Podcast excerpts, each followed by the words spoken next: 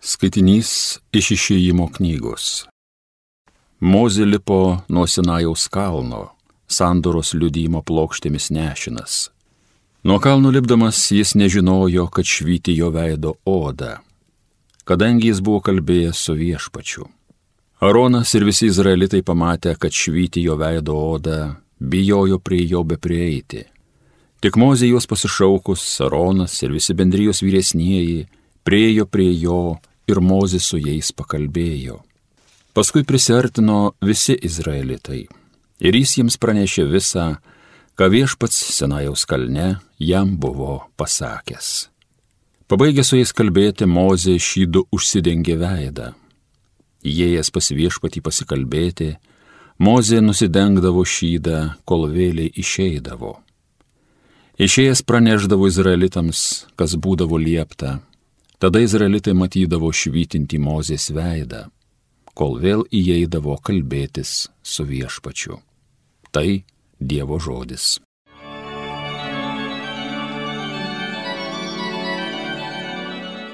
Didžiai šventas esi mūsų viešpatie Dieve. Aukštinkit mūsų viešpati Dievą, kniupkite prieš jo sosto pakojį, nes jisai yra šventas.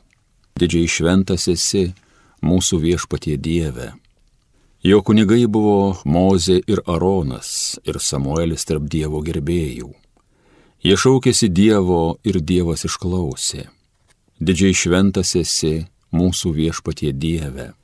Jiems Dievas iš debesies tulpo kalbėjo ir jie sergėjo, kas jo apreikšta, laikės įstatymo duoto. Didžiai šventas esi mūsų viešpatie Dieve aukštinkit mūsų viešpati Dievą, pulkite kniūpsti prie jo švento sosto, nes didžiai šventas mūsų viešpats Dievas. Didžiai šventas esi mūsų viešpatie Dieve. Alleluja, alleluja, alleluja. Jūs aš draugais vadinu, sako viešpats, nes jums viską paskelbiau, ką buvau iš savo tėvo girdėjęs. Alleluja, alleluja, alleluja.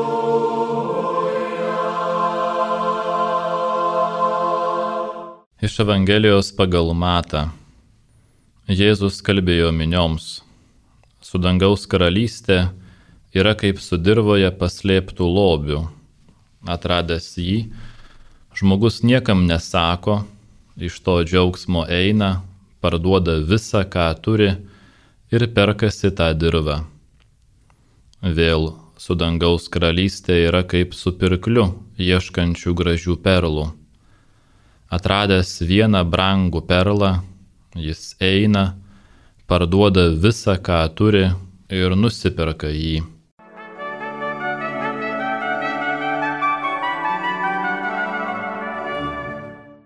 Mėly radio klausytojai, greičiausiai kiekvienam iš mūsų teko bent kartą gyvenime dalyvauti kokioje nors loterijoje.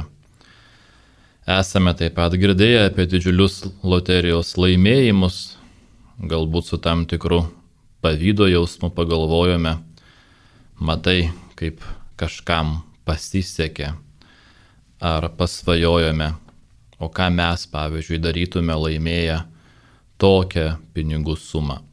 Palyginimas apie paslėptą lobį ir brangų perlą kažkuria prasme primena loterijoje laimėjusius žmonės. Šio palyginimo veikėjams nepaprastai pasisekė. Jie rado kažką, dėl ko nusprendžia visą kitą palikti.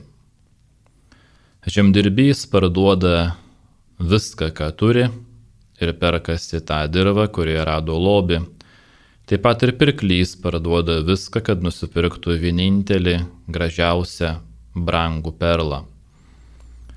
Jėzaus palyginimas yra labai realistiškas. Anu metu sklandė pasakojimai apie atsitiktinai rastus žemėje užkastus lobius. Dėl dažnai vykusių karų žmonės turėdavo paskubomis trauktis iš savo namų ir negalėdami neštis su savimi turto, Jie tiesiog užkasdavo į žemę, tikėdamiesi grįžę vėl ją atrasti.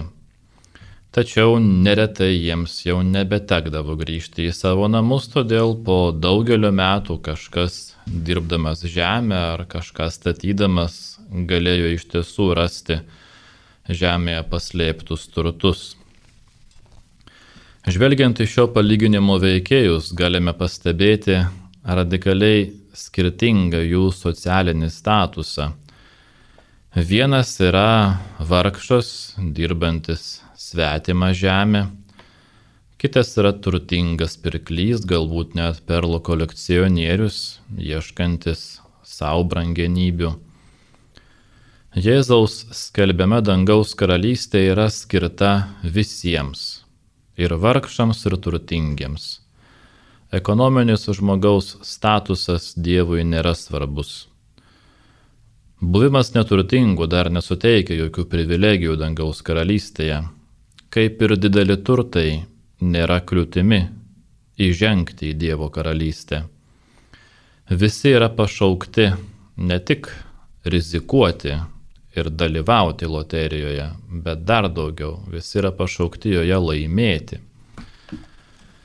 Tačiau tam, kad laimėtume, iš tiesų turime rizikuoti, o rizika nepasiduoda jokiam apskaičiavimui ir nesuteikia jokių garantijų. Taigi reikia drąsos peržengti įvairius apribojimus, peržengti taip trokštamą saugumo jausmą, reikia drąsos taip pat atsisakyti to, ką turi Abu palyginimo veikėjai viską parduoda tam, kad įsigytų tai, kas jų akise yra brangiausia. Palyginimo žodynas yra artimas įsimylėjusių sužadėtinių žodynui. Tai jaunasis ir jaunoji vienas kitą vadina tokiais žodžiais - esi mano lobis, esi mano gyvenimo perlas. Dievas mus kviečia būtent tokiam santykiui. Tuomet palyginimo akcentas jau nebekrenta ant atsižadėjimo, bet ant džiaugsmo, džiaugsmingo pasirinkimo to, kas yra vertingiausia ir brangiausia. Taip pat taip kaip jaunieji susižavėję vienas kitu nebemasto apie savo ankstesnį gyvenimą, bet trokšta visą save vieną kitam dovanoti, Taip ir žmogus atradęs tikrą santykį su Dievu, nedvėjodamas palieka viską, kas jo prie Dievo neveda ir pasirenka tik jį kaip lobį ar kaip gražiausią savo gyvenimo perlą. Džiaugsmas yra tuo didesnis, jog atrastas lobis peraugo drąsiausius palyginimo veikėjų lūkesčius Žmonės, kurie atrado savo gyvenime Dievo veikimą, užmesgė su juo gyvą santyki, patiria didžiulį džiaugsmą, kurio niekas negali užtemdyti. Apaštalos Jokūbas netgi ragina savo bendruomenę su džiaugsmu priimti įvairiausius išbandymus. Laikykite, broliai, tikrų džiaugsmu, kad pakliūvate į visokius išmėginimus. Rizikos džiaugsmas lypi tame, jog pradėdami kokį nors darbą mes nežinome, kokių rezultatų sulauksime. Tačiau jei rizikuojame dėl dangaus karalystės, dėl Jėzaus Evangelijos, galime būti tikri, jog nebūsime nuvilti. Danų filosofas, egzistencialistas Renas Kirkegoras yra pasakęs, nieko nerizikuoti tai reiškia kelti pavojų savo sielai.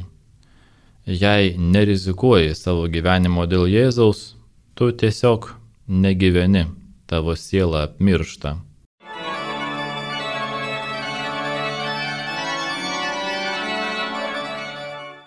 Homilija sakė kunigas Vladimir Solovėjai.